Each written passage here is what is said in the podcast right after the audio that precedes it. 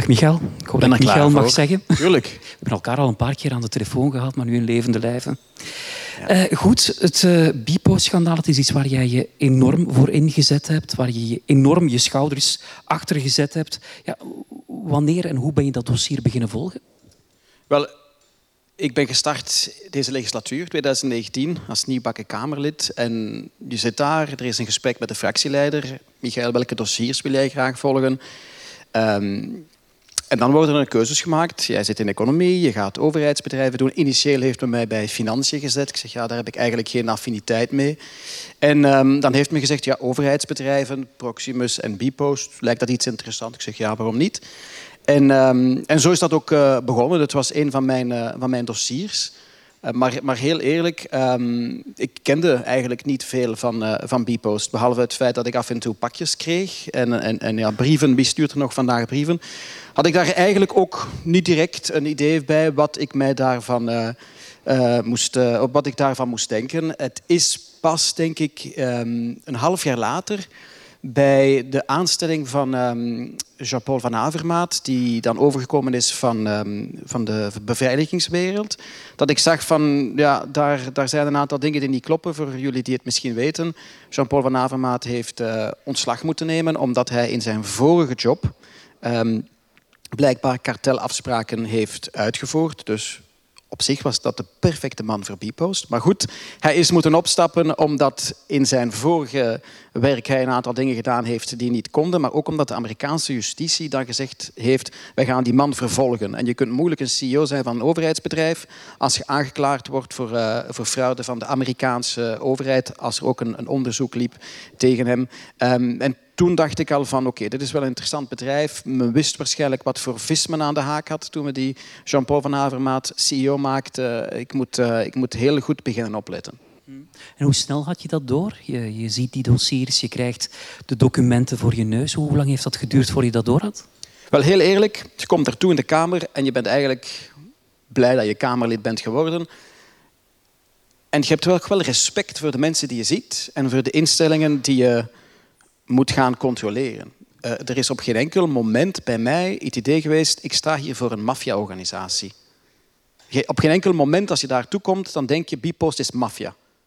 Vandaag durf ik dat echt met de hand op het hart zeggen. Bpost is maffia. Ik zeg altijd, wat is het verschil tussen Bpost en de, en de Corleones, de maffia? Is enkel de strepen op het kostuum. Nee, voor zij die dat weten, de Italiaanse maffia die dragen allemaal kostuums. Zeker de Italiaanse maffia die we in New York zien, hè, dus pinstripes. Ehm, ja, bij Bpost hetzelfde maffia, maar dan zonder die kostuums. Maar echt waar, maffia, omdat van op het hoogste niveau die collusie bestaat op elk niveau, samen met de overheid, samen met andere organisaties, samen met andere bedrijven. En het is zelfs nog niet gedaan. Elke dag opnieuw leer ik van nieuwe fraude, soms regelrecht waarbij dat Bpost valse e-mails uitstuurt. Nu bijvoorbeeld met die, wat betreft die, die bankrekeningen, die 679-rekeningen die Bpost beheert voor de overheid. Waarover gaat dat? De Belgische overheid, als ieder van jullie ooit een belastingbrief binnenkrijgt van de federale overheid, dan begint de bankrekeningnummer met eh, 679. Vandaar ook de naam. Dus Bpost beheert die rekening. Of het nu gaat om boetes, administratie, eh, weet ik veel. Dus er komt veel geld binnen. Wordt beheerd door Bpost. Bpost rekent daar 40 miljoen euro aan aan de Belgische overheid. Ehm, het kost hen ongeveer 10 miljoen. Dus 30 miljoen winst. Van Petegem en vroeger Johan van der Lotte, die vraagt van ja, kunnen, dat is toch iets wat we via een openbare aanbesteding moeten gaan uitbesteden. Bpost zegt nee, dat is allemaal niet nodig, probeert allerlei redenen of trucjes te vinden om dat toch niet te doen. En als men dan van het kabinet Financiën vraagt van ja, maar hoeveel kost dat contract nu? Want wij betalen wel 40, 39,8 miljoen euro elk jaar. Dan krijgen ze een e-mail van Bpost met een Excel waarin dat staat hoeveel dat het kost. En daar staat bijvoorbeeld in personeelskosten, enkel voor dit contract is 15 miljoen euro per jaar. Nu weten we dat dat 2 miljoen is.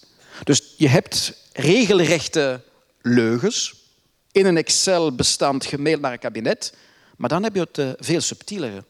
En het veel subtielere is, wat hier al reeds is aangehaald, waarbij dat je de politiek zover krijgt om voor een bepaald bedrijf, namelijk Bpost, de regels te herschrijven. En dat zie je in de pakjesmarkt. Voor de mensen die een beetje het idee van een paritair comité kennen. Ik zie zeker naar de boekhouders hier. Paritair comité. Elke sector heeft een bepaald paritair comité. Daar zitten dus de, de collectieve arbeidsovereenkomsten in. Elke sector is dus gelijk voor de wet en moet hetzelfde betalen aan zijn mensen. Moet dezelfde regels volgen. Aantal dagen dat mensen mogen werken, vakantiedagen enzovoort enzoverder. Eh, RSZ. Dus bij de pakjesmarkt geldt dat voor heel de markt, behalve voor Bpost. Ja, Bpost is nu toch wel de grootste speler. En ook daar zien we dat de wet zo gemanipuleerd is en veranderd werd, dat Bpost er onderuit geraakt. Dus inderdaad, maffiapraktijken, maar het heeft voor mij wel een tijdje geduurd eer ik gezien heb met wie we te maken hebben. En ik, en ik, ik wil ook uitleggen hoe dat ik dat voor het eerst gezien heb. Um, het krantencontract, als partij waren wij er altijd tegen. We vonden het is niet aan de overheid om een toespreken van 200 miljoen euro per jaar op een legislatuur. Een legislatuur was vier jaar, is vandaag vijf jaar. Is dat een miljard? Een miljard euro. Dus wij hebben daar een wetsvoorstel over ingediend. Theo Franken en mezelf. Um, Theo helpt, hielp mij, want hij zit niet in die commissie. Maar ook via hem kreeg ik het dan genoeg in de media. Um, dat we dat willen afschaffen. Trouwens, een, een, een, sorry dat ik een zijsprongetje maak in deze. Wij hebben de interne audit de eerste mogen inzien. En ik was toch wel fier, als ik dat mag zeggen, als ik mijn eigen naam in die audit zag. Want op een bepaald ogenblik, bij Bpost was er een interne mail, gestuurd van Bpost naar de verschillende uitgevers. En het onderwerp van die e-mail was vrijelijk. En de eerste collusie dus rond dat nieuw contract dat we zien tussen de uitgevers en Bpost had natuurlijk te maken op het moment dat ik in de pers en op sociale media zei van dat contract, dat willen wij niet meer. Dus dat was dat zijsprongetje. Maar waarover gaat het? 200 miljoen op een legislatuur, 175, goed, iets gezakt, maal vijf. We zitten bijna aan een miljard. Nu, de federale overheid, zij die dat volgen, stuurt elke week een persbericht over wat er besproken wordt in de wekelijkse regeringsmeeting.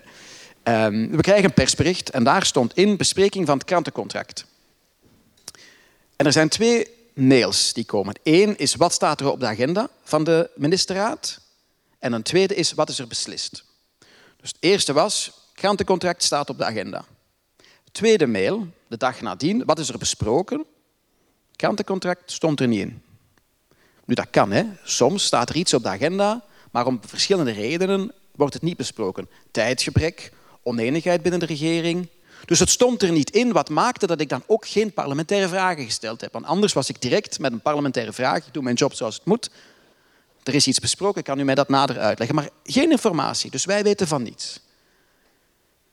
Twee maanden later, toevallig via een journalist van de Standaard, blijkt dat het wel degelijk die dag besproken is en goedgekeurd.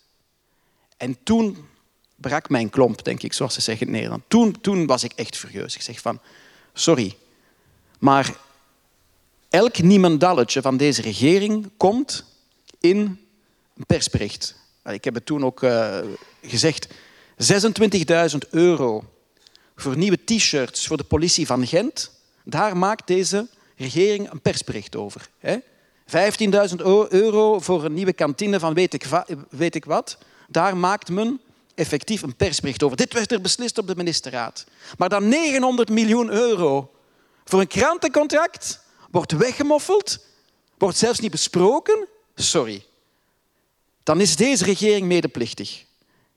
En als de regering geld wil geven aan Bpost, waar ik het absoluut mee oneens ben, maar own it. Kom daar toch voor buiten, naar buiten en zeg van dit hebben wij beslist.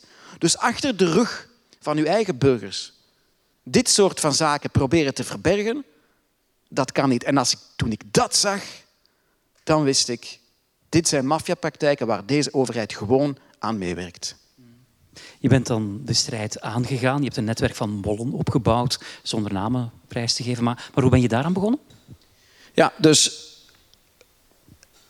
het is zo, als je, en ik krijg heel vaak mails binnen van mensen. Als je je werk, parlementair werk goed doet, dan ga je zien dat mensen u vanzelf contacteren. Ik krijg heel veel mails, ook over dossiers die mij spijtig genoeg niet aanbelangen. uh, rond mogelijke fraude in dit dossier, dat dossier. Maar ik zeg van ja goed, dat is niet mijn dossier. En in de Kamer is dat zo. Elke Kamerlid heeft zijn dossier. En ik kan mij moeilijk gaan mengen in een dossier van een collega. Dan moet ik dat spijtig genoeg doorgeven.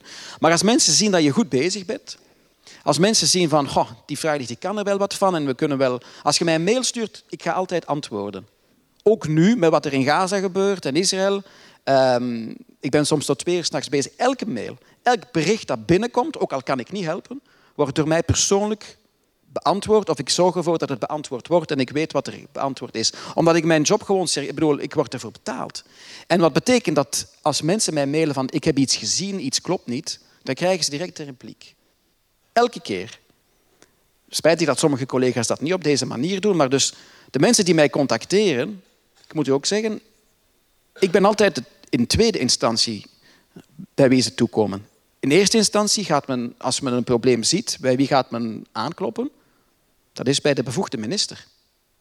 En hoe vaak, hoe vaak zeggen mensen mij niet, we hebben gemaild naar het kabinet de Sutter, maar we krijgen geen antwoord. Is niet moeilijk, hè? want je weet wie op het kabinet de Sutter zit. Hè? Op het kabinet de Sutter zat een hele tijd mensen van Bipo zelf. Eigenlijk bien joué, van Bipo's. Dus Bipo's zegt tegen de Sutter van... Oh, Bipo's, complex dossier, geen probleem. Wij gaan nu een aantal mensen detacheren. Wij betalen die, wij doen alles. Zij hebben de expertise. Ja, dus als daar een mail binnenkomt, dan gaan die zeggen van, dat is niet interessant. Maar dan nog, dan nog. Als ik ooit minister ben, dan weet ik, ik moet zelf alle mails controleren en nooit personeel alles laten doen. Dus mensen zien dat ik hard werk en komen naar mij en zeggen, meneer Vrijdag, ik krijg geen antwoord van de minister, kan u ons helpen? En dat is zoals een waterval. Eerst één, dan twee, dan drie.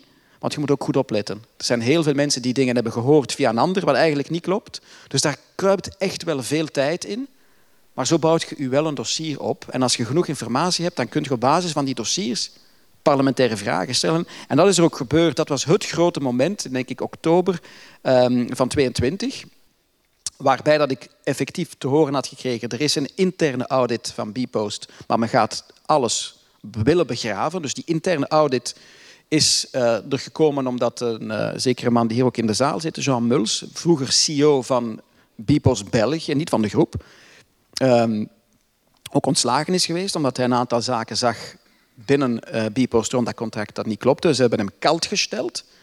En voor de rest heeft, die, heeft die de eerste interne audit gezegd van nou, we hebben eigenlijk niets fundamenteels gevonden. Een aantal inbreuken tegen de corporate governance, maar voor de rest geen grote problemen. En men heeft mij dat dan gesignaleerd. Ik heb een parlementaire vraag gesteld laat donderdagavond, omdat ik wist dat de Sutter dinsdag naar commissie kwam. En zij kwam inderdaad naar de commissie met de mededeling dat de CEO van de groep, CEO uh, Dirk Tiré, even on hold werd gezet. Hij, heeft, hij was toen nog niet ontslagen, maar het was de eerste stap. En toen is de bal inderdaad heel snel aan het rollen gegaan. Op een bepaald moment komt er druk van binnen de partij, buiten de partij. Ik denk maar aan het mailtje van Christian van Tillo, die daarnet ook uh, werd, werd, werd, werd uh, aangegeven. Hoe heb je dat ervaren? Ja, druk. Ik moet opletten wat dat juist is, want ik besef dat druk bij iedereen op een andere manier werkt. Ik, ik heb al voor hetere vuren gestaan. Als je nu ziet wat er gebeurt met het conflict Israël-Palestina. Ik heb al een aantal keer meegemaakt. Ik werd persoonlijk bedreigd. Uh, mijn familie werd bedreigd. Ik word op sociale media uitgemaakt voor van alles en nog wat. Dus eer dat iets mij raakt of als effectief als druk overkomt waarbij dat een effect heeft, moet je al heel ver gaan. Dus dat is misschien een, een voordeel dat ik heb. Um, nu is het wel zo dat rond dat kantencontract ook in de eigen partij ik een aantal waarschuwingen kreeg van Michael opgelet. Oh, DPG krijgt er veel geld. Bart, uh, Bart de Wever die heeft toch het mediaplan naar hier gehaald. Opgelet, want Bart gaat niet zo content zijn. Maar ik hoorde dat niet van Bart de Wever zelf. Ik hoorde dat alleen maar zeggen van opgelet, want Bart gaat hier niet content mee zijn. En dus heb ik Bart de Wever er zelf over bevraagd. Wat moet ik doen? En Bart zei, Michael, jij moet gewoon je job doen. Ik weet wat het standpunt is van Bpost. Wij zijn altijd tegen dat contract geweest. En goed, als men bij DPG niet content is, dan is dat hun zaak, maar jij moet dat daar gaan doen. Het zou best kunnen dat men niet verwacht had dat ik zo ver ging gaan. Maar goed, maar ik heb wel de toestemming gekregen van mijn voorzitter om daar verder mee te gaan. Nu, dat mailtje van Christian van Tillo, nadien dat is inderdaad niet leuk. Als je zo'n mail krijgt en men zet u... Want ik, ik, denk dat de mail ook gepubliceerd is voor een stuk in het boek. Um, op een bepaald ogenblik wordt het ook persoonlijk en, en, en, jij maakt mijn, mijn business hier kapot en je komt met, uh, met een aantal assumpties die niet waar zijn. Um, en ik ben ook uitgenodigd geweest voor een koffietje in het uh, Mediaplein of het gebouw van DPG, uh, vlak hier aan, aan het station. En initieel was dat wel hard omdat ik daar toch wel zag dat iemand als Christian van Tillo probeerde om via die machtspositie ehm, te zeggen van Michael, stop daarmee, dat is goed wat je gedaan hebt, maar besef wel dat dit en dit en dat. Maar ik heb gezegd, ik doe mijn job en met alle respect, ik luister naar uw positie en als daar interessante elementen en aspecten zijn, en soms waren die er. Hè. Hij zei van wij krijgen het geld niet, het is vooral Bipost dat dat krijgt, ook al worden jullie daar beter van. Maar ik, ik, ik ga niet lossen, met alle respect. We hebben een andere mening in deze. We kunnen eh, altijd, uh, voor mijn part, agree to disagree. Maar ik ga niet lossen. Dus zo is het verder gegaan. Je hebt een, goede relatie met Petra de Sutter. Uh, hoe, hoe, heb je dat ervaren? Want uiteindelijk ben je wel kritisch voor haar. Ik probeer altijd om die abstractie te maken tussen de mens en tussen het beleid. En Petra de Sutter is ook daar iemand die aangenaam in de omgang is. Ze wordt zelden kwaad. En ook in de media komt zij heel goed over. Zij kan altijd op een vrij goede manier de zaak gaan ombuigen. Dus om daar nu een, een, persoonlijke uh, haat tegen te koesteren, dat is niet de bedoeling. Voor mij is zij sowieso een gefaalde minister. En ik zeg haar dat ook. Ik zeg, voor mij heb je als minister gefaald, kent uw job niet, of je doet uw job niet zoals het moet. Maar dat maakt niet uit dat ik haar goedendag kan zeggen. Maar niet iedereen kan daartegen. Sommige collega-politici, als ik hen op Twitter hard aanpak, dan zien ze mij de volgende keer, dan kijken ze naar beneden of zeggen ze, Michael, dat was onbeleefd. Ik zeg, ja, sorry, maar ben ik nu onbeleefd omdat ik mijn job doe? Dus ik doe mijn job zoals het moet. Ik ga nooit op de man of hier op de vrouw spelen. Um, maar ik denk dat we die abstractie moeten kunnen maken in de politiek. En ik ben er effectief nog altijd van overtuigd dat zij hier een speelbal is. Ze beseft het wel, maar ze is niet opgewassen tegen Bipos. Zij wil die oorlog helemaal niet voeren. Ze is niet geïnteresseerd om daadwerkelijk fundamenteel iets te veranderen. Als zij maar kan zeggen van dat er meer groene busjes rondbollen uh, uh, van Bipost, dan is het al goed voor haar. Maar in die pot gaan roeren en daar lawaai maken en iedereen tegen zich in het harnas jagen, dat wil zij niet doen, kan dat begrijpen. Dat is, is niet makkelijk. Maar toch is het haar verdomde taak om dat te doen. En dat doet ze niet en dan ga ik het wel doen. Ze zegt wel tegen mij, Michael, je helpt mij. Want men vertelt mij ook niet alles. En het is dankzij u dat er dingen naar boven komen dat ik het dan kan aankaarten. Dat is wel heel makkelijk natuurlijk om te zeggen. Trouwens, vorige week in het parlement heeft zij nog gezegd... ja, Michael Veilig heeft altijd heel interessante bronnen. Dat weten we ondertussen, heeft zij gezegd. Dat weten we ondertussen. Maar ik vind dat heel eigenaardig. Haar woorden. Ik vind dat heel eigenaardig dat u meer weet dan ik. Eigenaardig? Dat is niet het woord. Hè? Schandalig is het woord. Hoe komt het dat een Kamerlid meer weet dan een bevoegd minister? Ja, de vraag stellen is te beantwoorden. Misschien nog één vraag, een hele belangrijke. Ze bestaat uit twee delen wat nu? Hè? Vooral aan de ene kant met de zaak, maar ook met, met Bpost. Hoe moet het nu verder met Bpost naar de toekomst toe? Ja, wat nu, Wouter heeft het ook gezegd, het gerecht in dit land draait heel traag. We hebben gezien, het heeft tien jaar geduurd eer dat er een uh, straf is uitgesproken over de voormalige minister Labie, die destijds de overname van Bpost of door, van PostNL heeft getorpedeerd. Hij heeft nu een boete gekregen van 10.000 euro. Dat was tien jaar dat het gerecht daarover gedaan heeft. En die man gaat nu in beroep. Dus over twintig jaar weten we het misschien. Dus ik heb absoluut geen enkel respect voor de manier waarop dat het gerecht hier werkt. Elle traag, elle lang. Ik geloof nooit dat er binnen een korte afzienbare tijd effectief straffen worden uitgesproken. Laat staan een proces wordt gestart. Want dit dossier is een kluwe. Er zijn ook politieke benoemingen op het niveau van de rechters. Um, iedereen kent iedereen. Um, het gaat er nooit komen, forget it. Wat gaat er wel komen, is het feit dat we die potjes toch gaan blijven open doen. Krantencontract 200 miljoen, iedereen weet dat dat geschreven was op maat van Bpost. Trouwens, een heel interessante in deze is, niet alleen geschreven op maat van Bpost, er was één kandidaat, ANP, dat mogelijk het contract kon binnenhalen. Dat daar wel de, de, de capaciteit voor had. En wat heeft Bpost gedaan? Omgekocht. Gezegd van jongens, weet je wat? In ruil voor het feit dat jullie geen offerte gaan neerleggen, kopen wij jullie over. Maar niet voor de reguliere prijs, want ANP was toen 40 miljoen waard. We geven er 50 miljoen bovenop. Men heeft 90 miljoen betaald. In, in, in de financiële wereld noemt men dat goodwill. 50 miljoen euro goodwill. Maar we weten waarom. Omdat het Bpost natuurlijk zoveel beter uitkomt. Dus daar heeft men, is men zo ver gegaan dan hebben we die drie Schumel-contracten rond de nummerplaten. Ook opnieuw op maat geschreven van Bpost. Ehm, de, de, de cross-border, de boetes, de bankrekeningen zonder openbare aanbesteding. Dat komt nu ook naar boven. En er zit er nog eentje aan te komen. Ik heb het al aangekondigd op de VRT dat het er heel binnenkort zit aan te komen. Het gaat over de ongelijke betaling van de RSZ de voorbije tien jaar. Ik zit aan een bedrag, hou je vast, van 1 miljard euro. En ik ga dat naar buiten brengen als het volledig afgewerkt is. We zijn er morgen toevallig ook mee bezig, hele namiddag, met experts, bedrijfsrevisoren, mensen die voor Europa gewerkt hebben. Want ik wil mijn dossier heel goed onderbouwd hebben. Want dat moet je weten. Als je naar buiten komt met iets waar dat één punt of één komma fout zit, dan pakken ze u daarop. En dus dat, ik, ga, ga dat niet toelaten. Dus er komt nog heel veel naar boven. En voor ons is het duidelijk, contract natuurlijk op de schop, maar nog meer. Bipost moet ofwel geprivatiseerd worden, geen speciale sociale regimes enzovoort, pakjesmarkt. Wat nu eigenlijk verstoord wordt door een bedrijf dat andere regels heeft. Waarom moet een overheid pakjes gaan bedelen? Dat is toch geen kerntaak van de overheid. Uh, en, en al die ontweken sociale lasten voor de, voor de bedeling van pakjes, dat is nergens voor nodig. Dat is eigenlijk opnieuw een roof van de staatskas. Dus wat komt er nog? Heel veel, als het van mij afhangt. Dank u wel, Michael Freilich. Graag gedaan.